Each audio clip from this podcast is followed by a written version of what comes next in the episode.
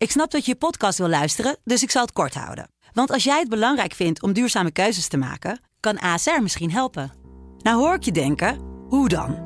Nou, bijvoorbeeld bij het duurzaam herstellen van schade. Of de premies die we beleggen volgens ons duurzaam beleggingsbeleid. Dat bepaalt waar we wel en juist niet in investeren. Wil je meer weten over welke duurzame keuzes ASR maakt? Ga dan naar asr.nl slash duurzame keuzes. ASR doet het. Zo, dan kan je nu lekker naar je podcast luisteren. Dit is, dit is het land van Leerduk. Echt een massieve invasie richting Kiev. Dat lijkt mij echt bijna onmogelijk. Een podcast van de Telegraaf met analyses op het nieuws die u elders niet hoort. We kunnen heel erg ontevreden zijn met Poetin. Maar na Poetin kan het nog wel veel erger worden. Stel je voor dat China zegt, wacht even af tot wij klaar zijn met de Olympische Ik denk Spelen. niet dat ze het in China leuk zouden vinden als eh, Poetin eh, tijdens die Olympische Spelen Oekraïne binnentrekt. Met Wierduk en Robert Ophorst. Heb jij een stamkroeg eigenlijk, Wiert? Eh, mijn huis. Wij hadden wel, al, eh, maar goed, we hadden altijd wel een stamkroeg toen ik nog studeerde. En in Berlijn had ik een kroeg. Althans, eh, was, eh, ik was, ik nam deel in een kroeg daar. Dus daar zat ik heel, heel vaak te werken, ook als correspondent.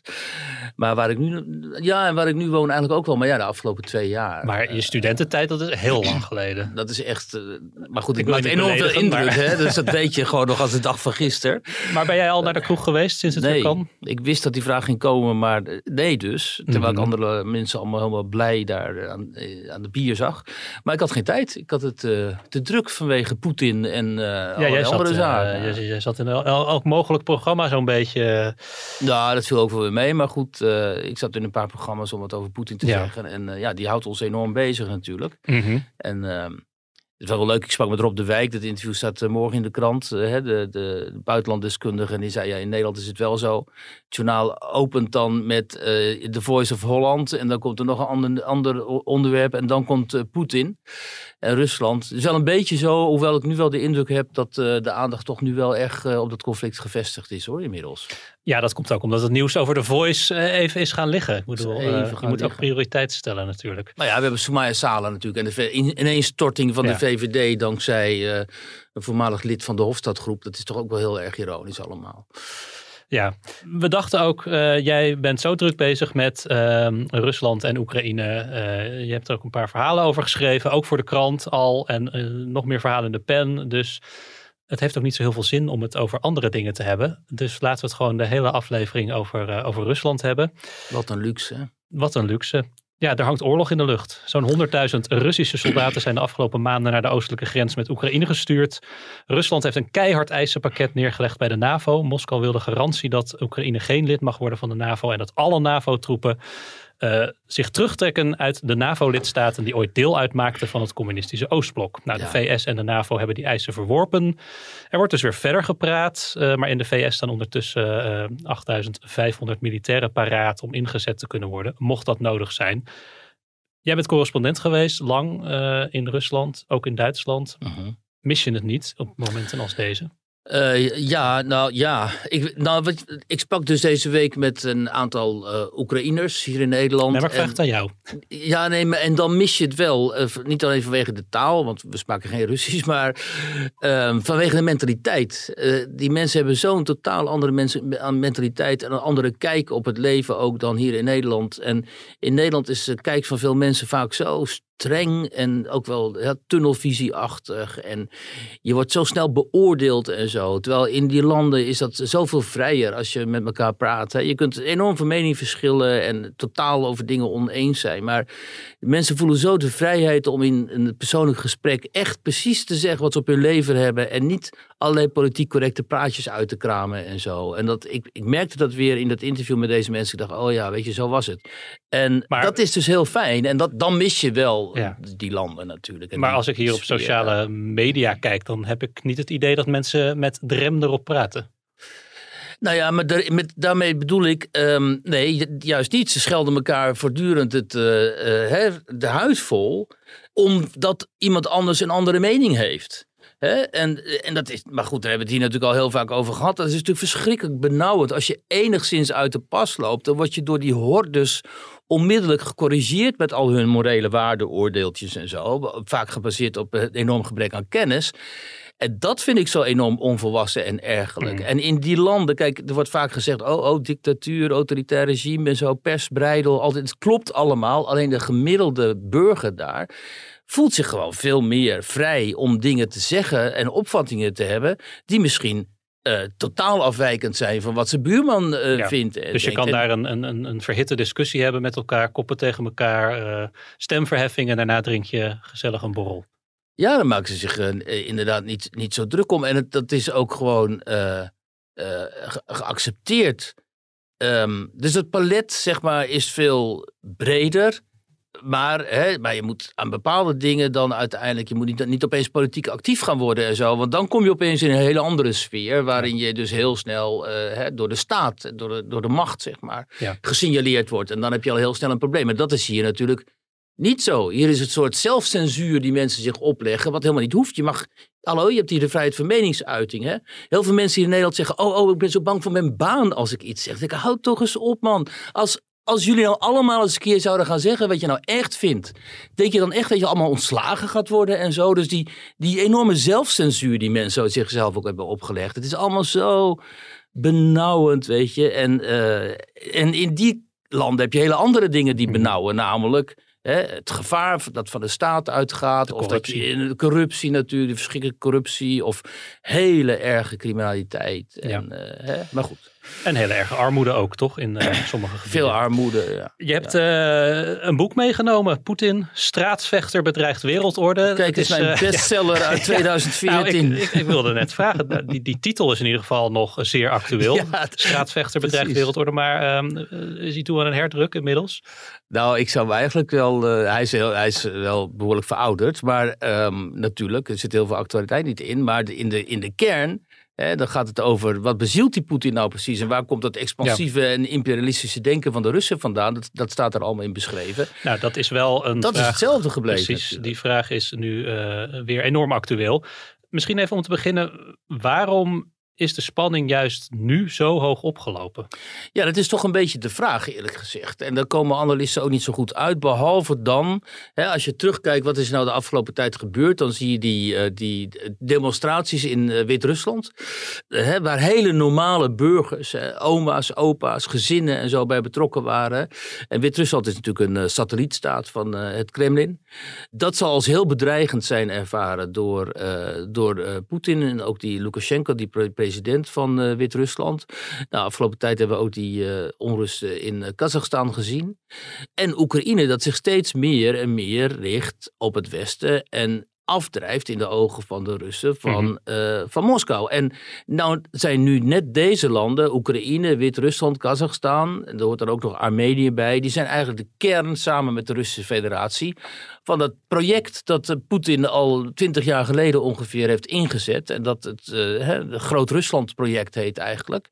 Of het Eu- Eurasiatische project van Rusland. Waarin ze- deze landen de kern moeten zijn van een Eurasiatische Unie. Die als alternatief moet gelden voor de Europese Unie. En die in, eh, qua machtspolitiek een alternatief moet zijn ook voor de, voor de NAVO. Nou, daar is helemaal niks van terechtgekomen. Eh, en Poetin verwijt dat vooral ook het Westen en pro-Westerse krachten in die landen, dat dat project van hem dreigt te mislukken, omdat bijvoorbeeld de NAVO, eh, Oekraïne en Georgië, andere voormalige Sovjet-Republiek, het eh, NAVO-lidmaatschap eh, voorhoudt. En doordat de Europese Unie destijds, toen in 2014, met die plannen kwam Ja. voor, een, eh, voor een associatieverdrag Ja. met voormalige Sovjet-Republiek. Dus het is in die zin een beetje een optelsom. Hij is al twintig jaar bezig met die plannen om het, om het Russisch Rijk en de Russische invloedssfeer te vergroten. Ja, dat lukt niet goed genoeg. Tegelijkertijd probeert het Westen die voormalige eh, communistische ehm, lidstaten Ja. meer bij het Westen te betrekken. En als Poetin dan ziet dat er eh, demonstraties zijn in eh, landen als Wit-Rusland, dan denkt hij, ja, wacht even, nou dreig ik ze helemaal kwijt te raken. Ik moet nu iets doen. Ja, klopt. Hij is dus gefrustreerd over hoe, het, hoe dit nou allemaal gegaan is. En voor een deel ook terecht. Eh, en hij ziet, eh, ik ben schoor, en, en hij ziet dat... veel gepraat de ehm, laatste dagen. ja, of toch corona. Maar, ehm, en hij ziet dat in die landen zelf, eh, het enthousiasme voor het project van hem ook niet zo groot is. Dus dat hij dus en, en kijk, en dan vanuit de Russische psychologie is dit allemaal heel goed te verklaren. Want ten eerste is Oekraïne voor de Russen niet echt een, een onafhankelijk land of zo. Dat beschouwen ze gewoon als een soort eh, regio van, eh, van Rusland, een soort provincie van Rusland. En bovendien rond Kiev, Kievskaya Rus, dat, dat vinden zij, daar ligt de genese, dus de ontstaansgeschiedenis van Rusland van het, hè, Rusland, niet, niet per se de, de Russische landmassa, massa, maar de Russische cultuur ligt daar. Mhm. Dat, dus dat is voor hun gewoon, eh, dat, is, dat is van hun. Zo zien zij dat. en dat Oekraïne dan zo onafhankelijk is geworden eh, na de ineenstorting van de Sovjet-Unie, maar zich bovendien heel erg heeft ge- is gaan richten op het eh, Westen. Ja, dat zien zij als, als een Verraad. affront, als Maar, verraad. ja. Waarom doet Oekraïne dat eigenlijk? Eh, kennelijk voelen zij zich eh, niet thuis onder de vleugels van eh, vadertje Rusland.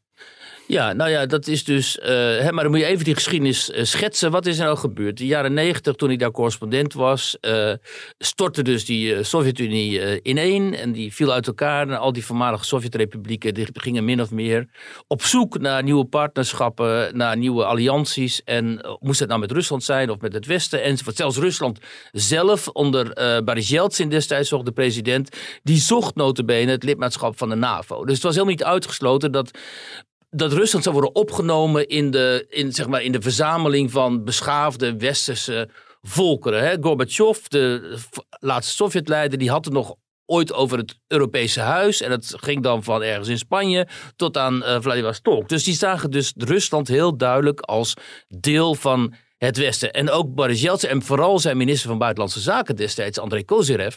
Ja, die waren heel erg gericht op, eh, op het Westen. Maar eh, wat gebeurde er in het Westen? In, eh, die begonnen de NAVO uit te breiden. Niet met Rusland, maar met voormalige Oostbloklanden. Terwijl eh Dietrich Genscher en Helmut Kohl en ook James Baker, dus al die toppolitici destijds, die westerse toppolitici uit Duitsland en de Verenigde Staten, die hadden tegen Gorbachev gezegd en, eh, van, joh, gaan we niet doen. Geef, jullie geven ons die Duitse eenheid, wij gaan de NAVO Ja. niet uitbreiden. Het, het is natuurlijk terugkijken, we kunnen er nu niks meer aan doen. Maar hadden we dat anders kunnen en moeten doen als Europa en de VS zijnde toen? Hebben we toen onze kans gemist? Eh, nou, dat hangt er vanaf hoe je ernaar kijkt. Als jij denkt, eh, Rusland is onhervormbaar, wat wel gebleken is. En Rusland zal altijd een au- autoritaire macht zijn. En Rusland is sowieso te groot om bij de NAVO te komen, wat ook zo is. Ja, want dan zou het een veel te grote invloed hebben binnen, binnen de NAVO. Als je erop, en, en als jij, zoals de Amerikanen destijds, hè, die neoconservatieven in de- in de Verenigde Staten, denkt van. Wij zijn de uitgekozen supermacht. Hè? Wij, wij moeten in een unipolaire wereld moeten wij eh, de shots hè, wij, de, uitdelen. Dus wij bepalen hier de regels en wij bepalen hoe het met de rest van met de wereld gaat.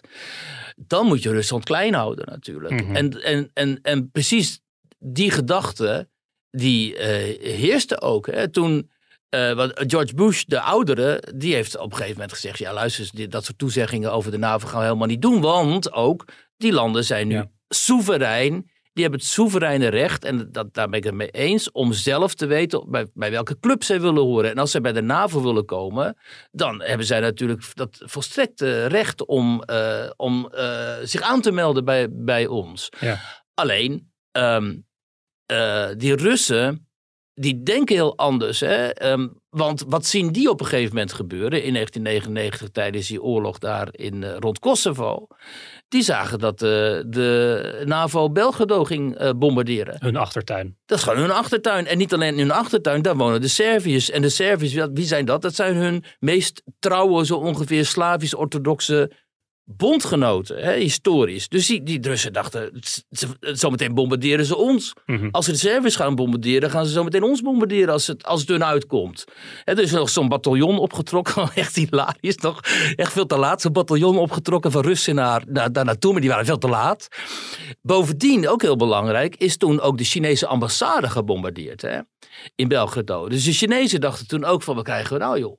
Moet je je voorstellen, maar heel veel mensen begrijpen dat ook niet. Maar moet je je voorstellen als de Chinezen de Amerikaanse ambassade in Me- Mexico zouden bombarderen. Wat denk je dat de Amerikanen zouden doen? En wat denk je dat de Amerikanen nu twintig jaar later of nog meer zouden denken over die Chinezen? Zouden denken, die bombarderen ons gewoon. Waarom was dat toen eigenlijk? Dat was vanwege die kwestie in Kosovo, weet je nog. En, Mhm. eh, en eh, toen, ik weet niet, trouwens niet meer of de Chinese ambassade toen zogenaamd per ongeluk is Ja, geraakt. dat bedoel ik eigenlijk. Was het, een, Nou, eh, was het de bedoeling? Ga er maar vanuit dat. Maar goed, daar ga ik hier maar geen uitspraak over doen. Want zometeen vergis ik mij. Ik weet het niet meer. Maar het zou natuurlijk heel goed kunnen zijn. Mhm. dat, het per onge- zogenaamd, dat het zogenaamd per ongeluk Ja. is geweest. Om even wat schrik aan te jagen. Dus kijk.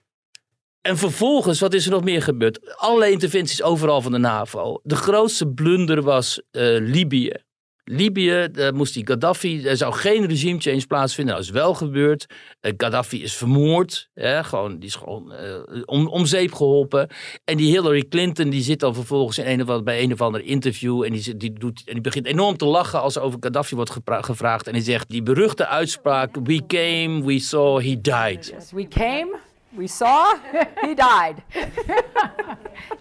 Hoe kijken die Russen daarnaar? Die denken, wat zijn dat voor steltje bloed? Die zijn net zo bloeddorstig als wij. Als, nee, die zijn net zo bloeddorstig, die Westerlingen, als zij denken dat wij zijn. Nou, dus daar is geen enkel vertrouwen was, was daar meer. Ehm, Poetin heeft vervolgens altijd gezegd, stop hiermee. Weet je wel, Eh, we hebben die bufferzone nodig, want onze geschiedenis leert dat wij vanuit het Westen worden aangevallen. Napoleon viel ons aan, Hitler viel ons aan. En als wij niet de Oekraïne als buffer hebben, voelen wij ons niet veilig. Nou, eh, dat zeg ik misschien als cynicus, maar een eh, sterke leider heeft ook altijd een, een sterke vijand nodig. Of althans een leider die zichzelf wil voordoen als sterk. Dat is Poetin eh, natuurlijk. Ehm, hij heeft ook natuurlijk de NAVO nodig als vijand. Dus hij zet dat natuurlijk ook bewust heel erg op scherp. Hij moet wel, zou je bijna zeggen, bewegen. Want als hij blijft zitten en de NAVO eh, vergroot zijn invloedssfeer, dan, dan raakt hij misschien meer macht kwijt en eh, moet hij ook eh hij hij zijn eigen positie verder verzwakken. Hij is natuurlijk de, echt een macho, macho leider ook, autoritaire leider. Laat zich ook graag op voorstaan, op zijn mannelijkheid en zijn moed en zijn dapperheid en zo. Hij zit vaak halfnaakt op een paard. Ja, hij is in ieder geval één keer toen we die foto's werden gemaakt. Voor mijn idee doet hij dat elk jaar, maar dat is gewoon één keer Gewoon geweest. Ja, tegenwoordig zit er ook zo'n bier zit dan. Hè. En de Russische politiek is machtspolitiek, zowel binnenlands als buitenlands. hè. Je laat nooit je zwaktes zien. Eh, Je laat altijd zien dat je sterker bent dan de ander, sterker dan de tegenstander. Het is geen politiek van eh, compromissen, helemaal niet. Dus wat hij dan op een gegeven moment denkt dat hij moet doen, is naar het Westen duidelijk maken tot hier en niet verder. Dus dan, en dan op een hele ouderwetse 19e, in 19e eeuwse manier eh, trekt hij dan allemaal troepen samen bij zo'n grens. En gaat hij daar eh, zo'n land als Oekraïne intimideren. En in de hoop dat hij ook het Westen daarmee intimideert. Of ze gaan via, hè, zoals ze eerder deden, via die. Via Wit-Rusland sturen ze allemaal vluchtelingen, zogenaamde vluchtelingen, naar de grens met Polen. om te proberen om Europa te, te destabiliseren. Eh, en ze voeren tegenwoordig ook eh, natuurlijk eh, hybride oorlogsvoering. Hè, via de, het hacken van, van Ja, overheidssites en zo. Dus op allerlei verschillende manieren laat hij zien dat hij wel in staat is om het Westen te ontregelen. Eh, en dan komt het er vervolgens op aan, eh, hoe gaat het Westen dan reageren? Hoeveel ruggengraat heeft het Westen? En dan vooral hè, Duitsland altijd, want Duitsland heeft in dit soort kwesties eigenlijk nooit ruggengraat. Nu ook weer niet. En ehm, ja, dan heeft het Westen dus wel een, en vooral de Amerikanen, eh, die hebben dan dus wel een probleem. En dat, dat probleem ligt nu op tafel vandaag en de komende dagen, weken misschien. Omdat we gaan zien wie hier uiteindelijk het eerste met zijn ogen knippert. Ja.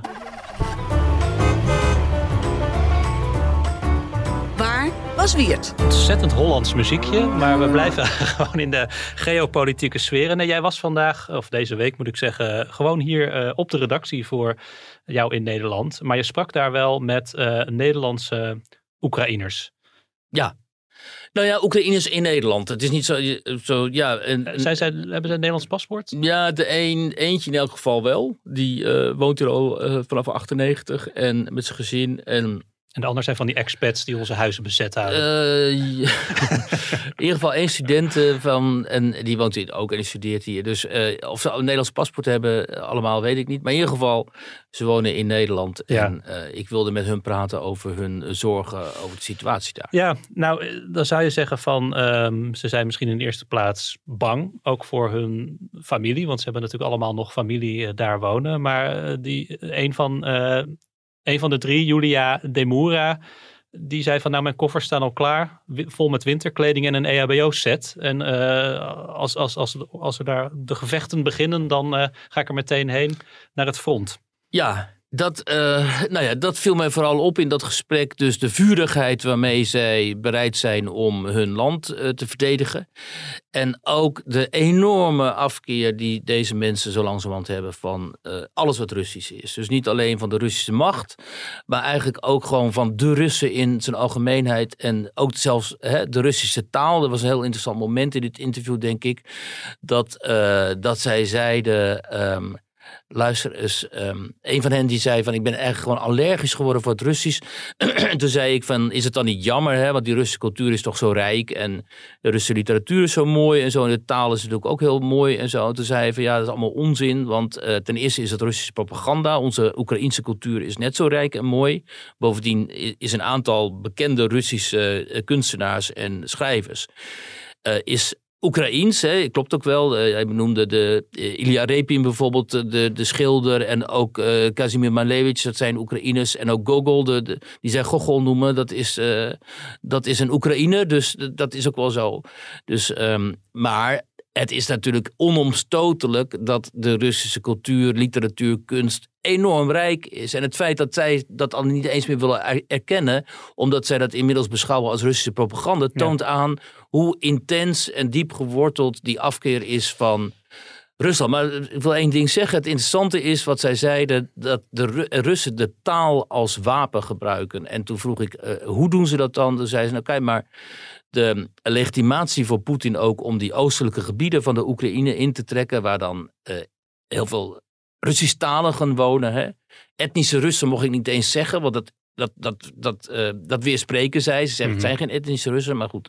Dus daar gaan we ons niet aan branden. Maar dat is dat eh, de, het Kremlin zegt, dit zijn onze mensen. Hè? Ja. Dit zijn Russen, ze spreken onze taal, ze lezen onze boeken, ze luisteren onze muziek. Ze willen misschien ook eigenlijk wel bij ons horen. Ze willen bij ons horen. Ze worden bedreigd door die nationalisten daar in Kiev. Hè. En die Russen zeggen dan, die nationalisten daar in Kiev, een deel daarvan zijn echt een, echte neonazies. Een heel klein deel daarvan is het ook. Dus daar hebben ze ook nog gelijk in ook, maar dat is een heel klein deel. Ehm, en op die manier maken ze dus van de taal een wapen. En dat vond ik wel een hele interessante observatie eigenlijk. Eh, maar wat ik had misschien onderschat, hoewel ik toch ook wel tijdens die crisis op de Maidan en daarna en zo in Oekraïne ben geweest, is hoezeer zij eigenlijk bereid zijn om alle banden met Ru- Rusland en het Russische volk ook eh, eh, door te knippen, omdat zij geen één Rus meer überhaupt vertrouwen. Is een beetje misschien zoals het in Nederland was na, vlak na de bevrijding, denk ik dan. Misschien, ik weet niet eens precies. Ik, weet, ik bedoel, ik ben oud genoeg om nog anti-Duits sentiment te hebben meegekregen.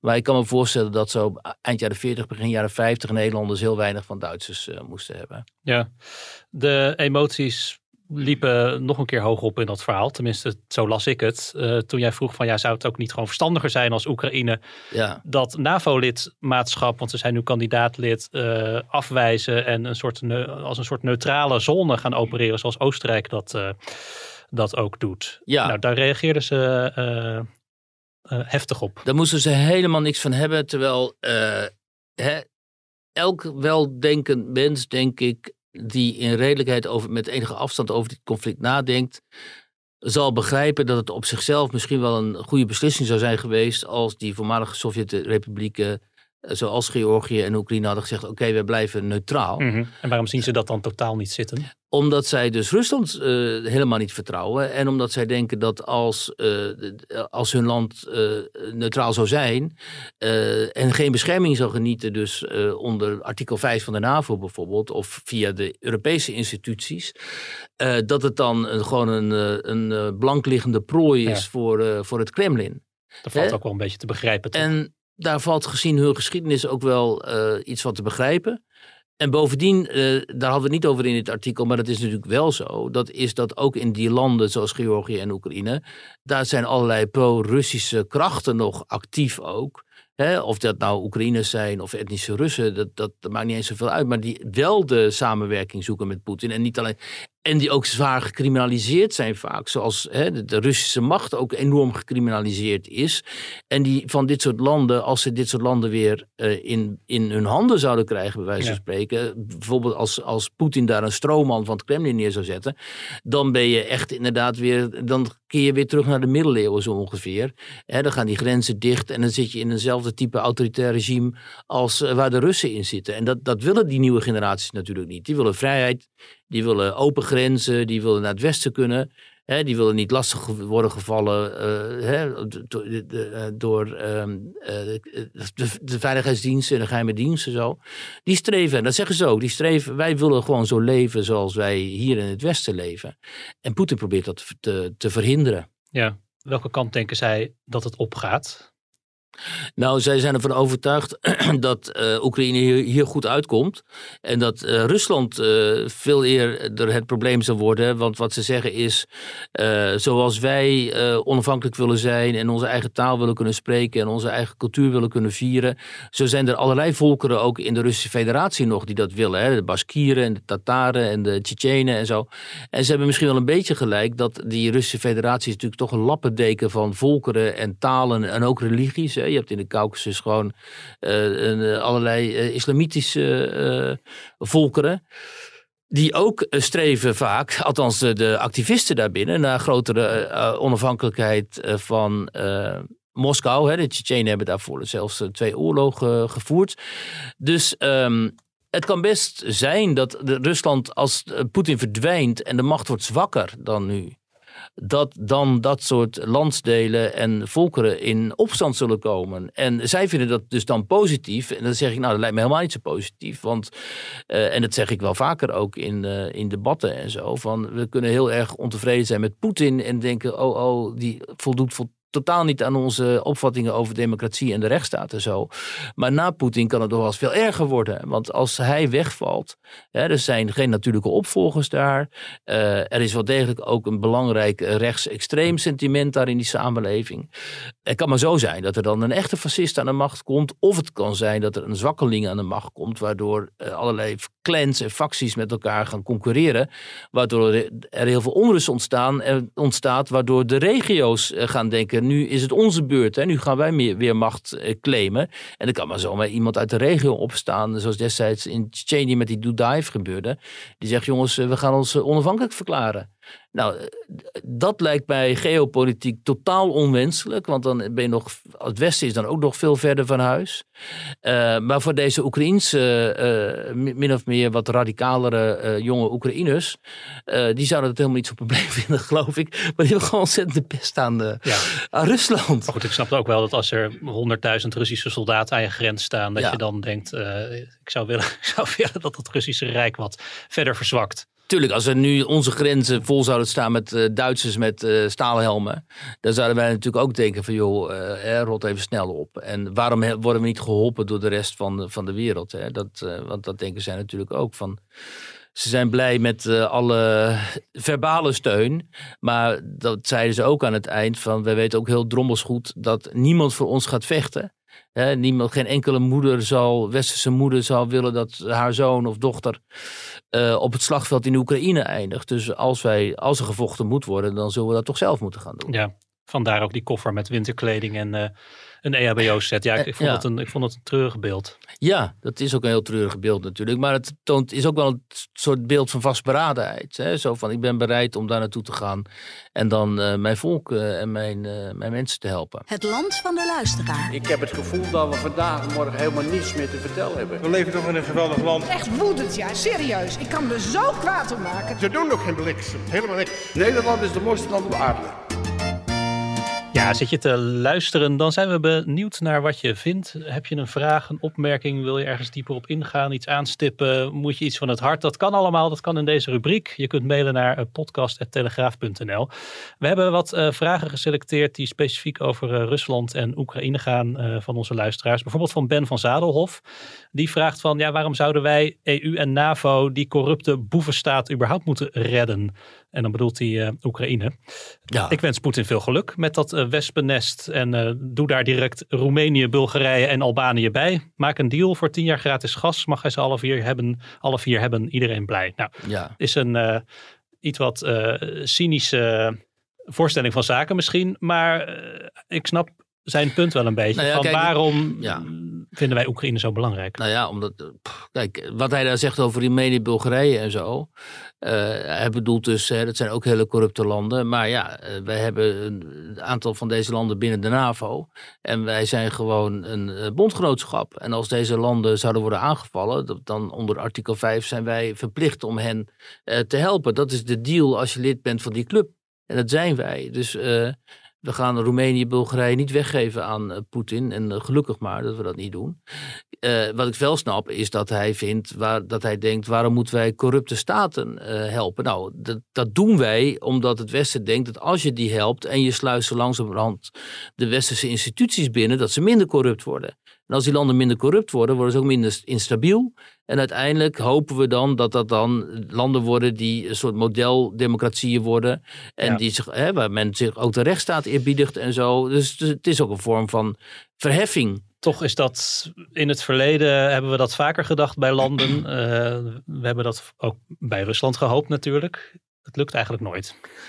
Nou ja, met Rusland uh, zijn we die, dit soort verbanden natuurlijk nooit uh, zo intensief aangegaan. Uh, ook wel omdat we ook wel weten, begrijpen dat het met Rusland natuurlijk, dat is gewoon een wereld in zich op zichzelf. Hè. En die kun je niet zomaar naar je hand zetten. En die kun je, dat zo'n land, zo'n enorm land, landmassa is het eigenlijk meer kun je helemaal niet uh, jouw normen en waarden opdringen. Um, maar andere landen, met, met andere landen hebben we dit gedaan. En dat is natuurlijk gewoon enorm geslaagd. Ondanks alle pogingen om uh, Polen en Hongarije bijvoorbeeld weg te zetten als uh, dissidente landen, zijn, is hun aanwezigheid binnen de Europese Unie, ook binnen de NAVO natuurlijk, gewoon een enorm succes uiteindelijk.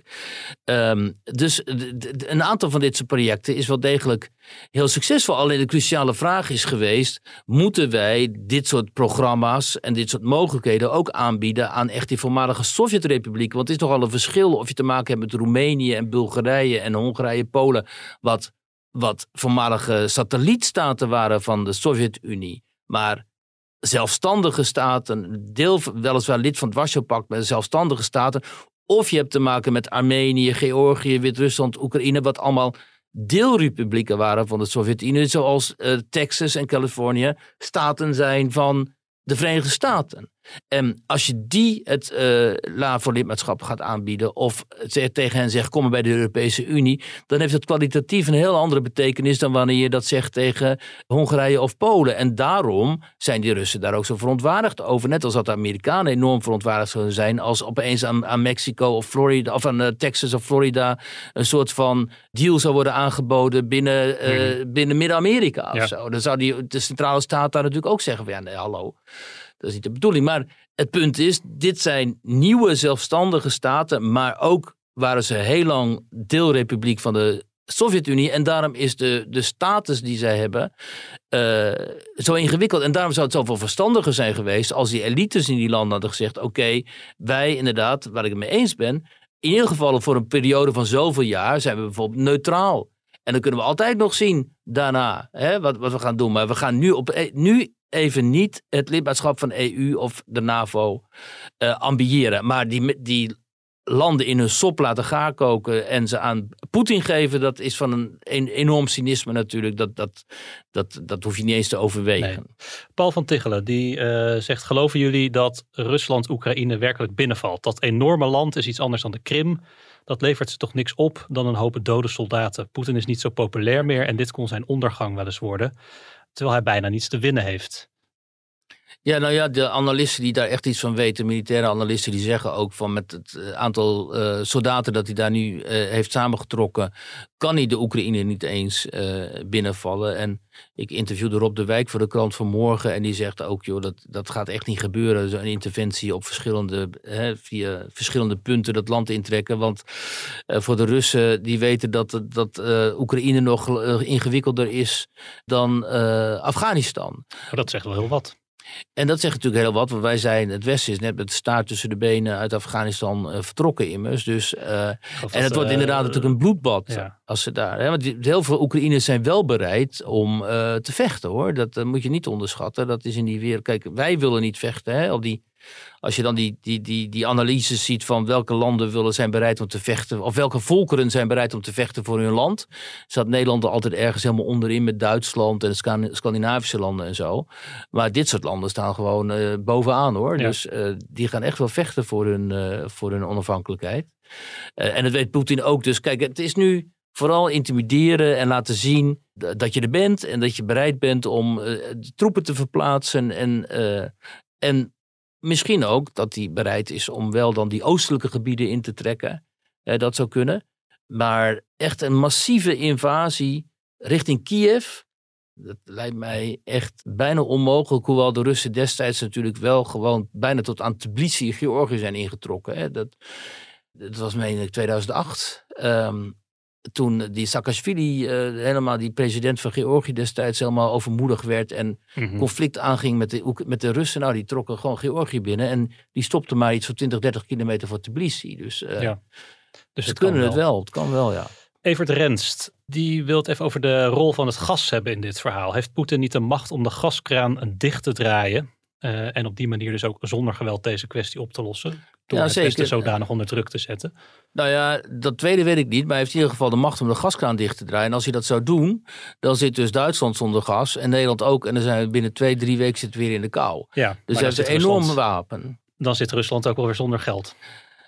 Ja, Niet meteen misschien, maar Ja, maar, en dan zit Rusland vooral, en dat is waarschijnlijk wel een groter probleem, met een enorme reputatie, met enorme ja, dan zijn ze reputatieschade. hun belangrijkste, misschien op hun 100.000 troepen na hun belangrijkste machtsmiddel kwijt.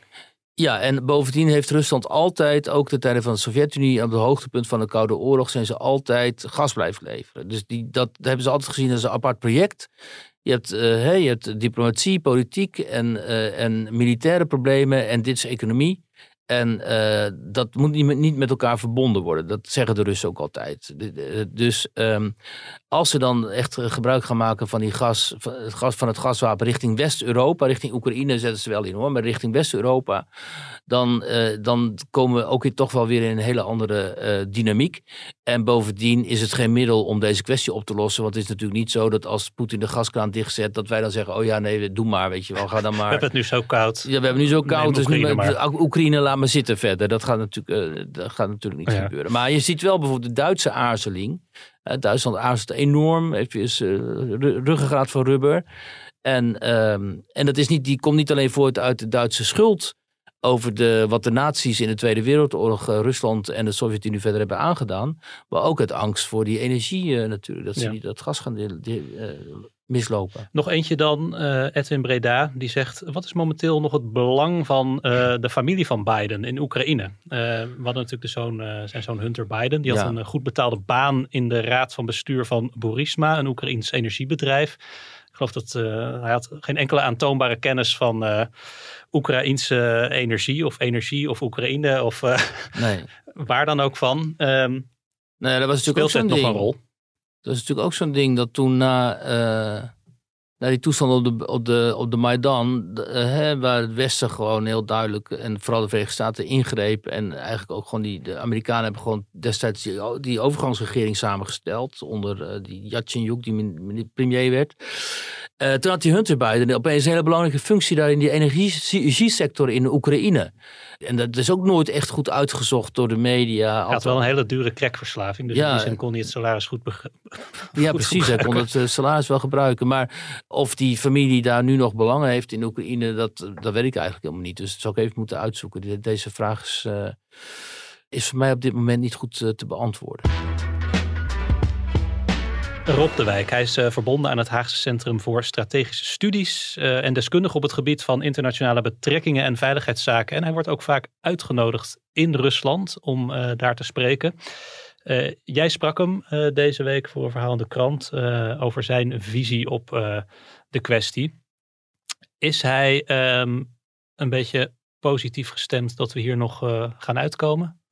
Ja, wat hij zegt is, we hebben altijd eigenlijk Jalta 2.0 nodig. En dat betekent dat hè, de, Jalta, de conferentie van Jalta in 1945 met de geallieerden en eh, de westerse geallieerden met de Sovjet-Unie ehm, hebben toen de eh, machtsbalans, na de, de naoorlogse machtsbalans eh, eigenlijk gedefinieerd. Dus Ja. de invloedssferen afgebakend. Op de nou, achterkant van een bierveeltje, geloof ik. ja, en dat heeft dus heel lang stand gehouden. Ik ben nog wel eens geweest daar in het, in het paleis waar die conferentie heeft plaatsvond op, in Jalta op de Krim.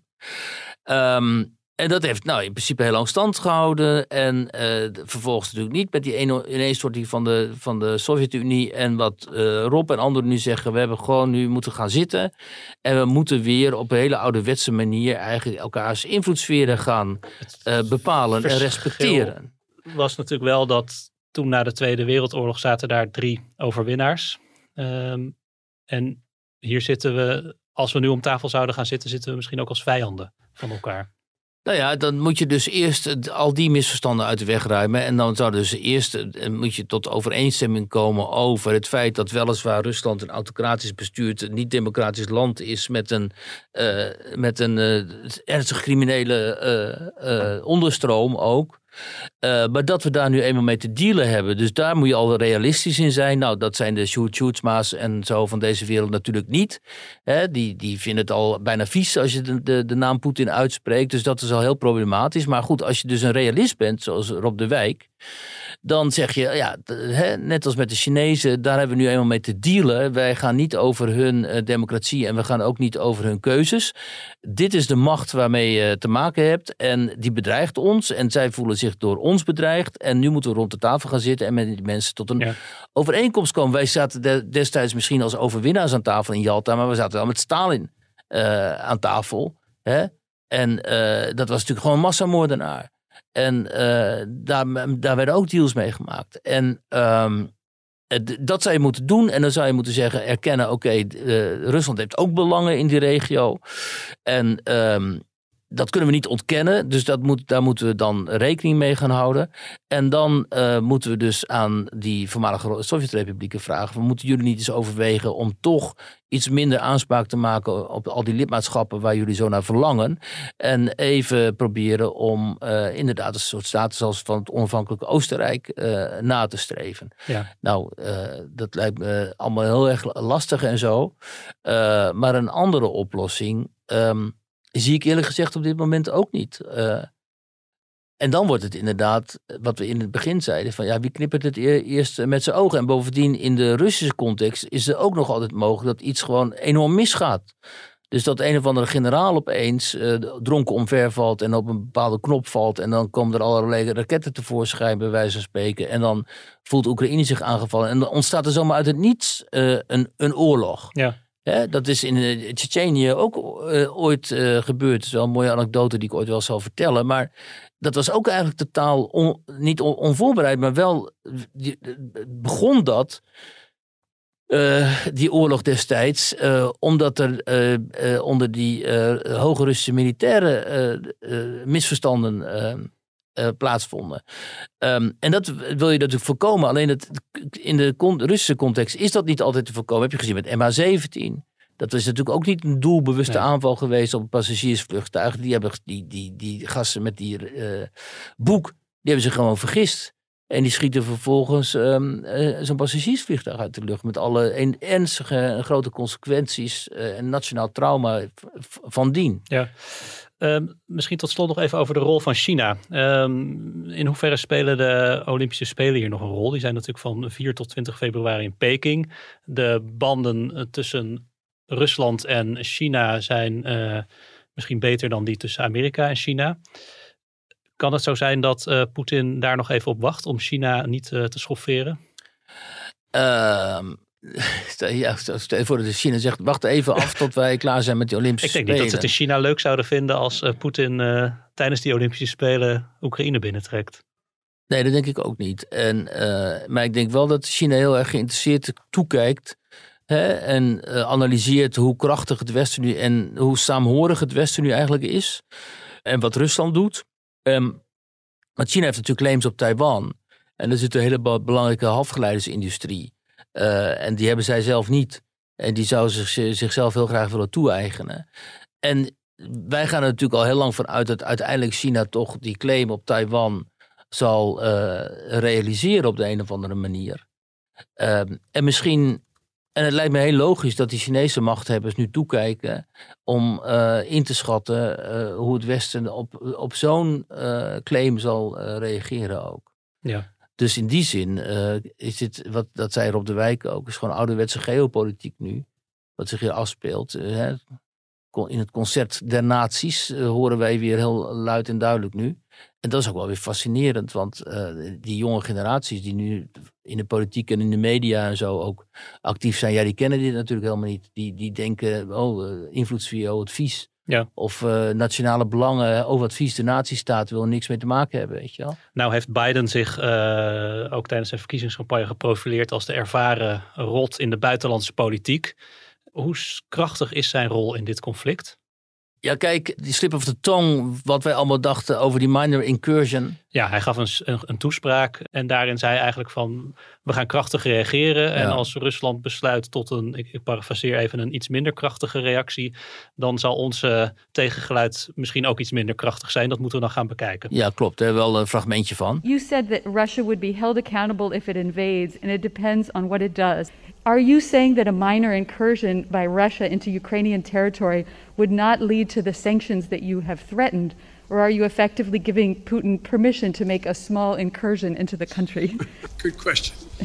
Um, that's how it did sound like, didn't it? En wij dachten allemaal, eh, oh wat een blunder, hè? wat eh, onverstandig. Nu geeft hij eigenlijk een voorzet aan Rusland om dan maar een kleine invasie Ja, te plegen. laat zich in de kaart Ja. kijken.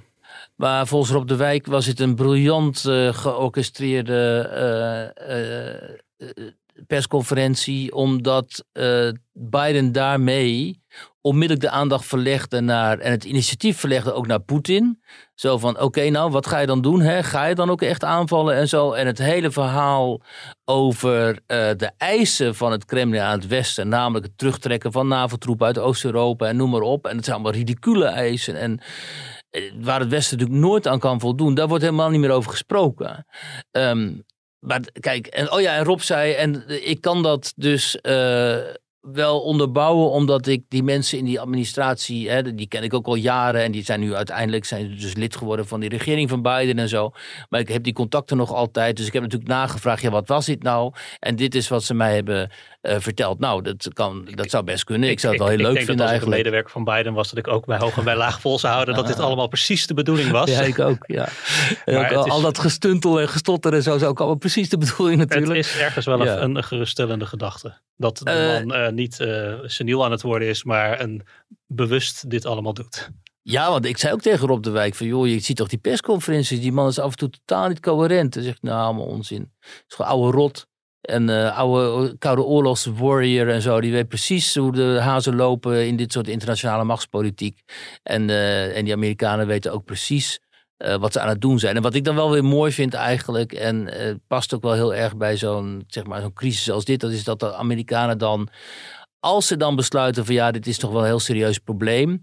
Dat is dan echt met een enorme delegatie naar die onderhandelingen komen. En dan komt eh, de Grijze Vos, die komt er ook mee. Dat is die mevrouw eh, van eh, in de zeventig al, die al zo door de wol geverfd is in het onderhandelen. En die gevreesd is ook overal. En dan wordt het een beetje zo'n Hollywood film, weet je wel. Dan, ehm, dan ko- komt zij ook weer mee om even gewoon met de vuist op tafel te slaan. En te zeggen van jongens, even alle flauwekul. Het is geen kleuterschool hier. We gaan hier als volwassen mensen even met elkaar onderhandelen. En we leggen even de wapens op tafel nu. En dat vind ik wel weer geruststellend, omdat wij altijd denken: die Amerikanen zijn volstrekt gek geworden door al die woken en Black Lives Matter en critical race theory en alle andere ellende die zich daar ook afspeelt. Maar uiteindelijk is het natuurlijk wel gewoon de enige overgebleven supermacht. Die ook zijn belangen heeft en zijn belangen moet verdedigen. En die ga je niet. En, en zelfs die zo'n transgender generaal, waar ze dan nu telkens mee hè, de sociale media opzoeken en zo. Dus een transgender generaal. Ja, of zo'n transgender admiraal. Hè. De- de- de Transgenderisme in het leger is daar ook echt een ding.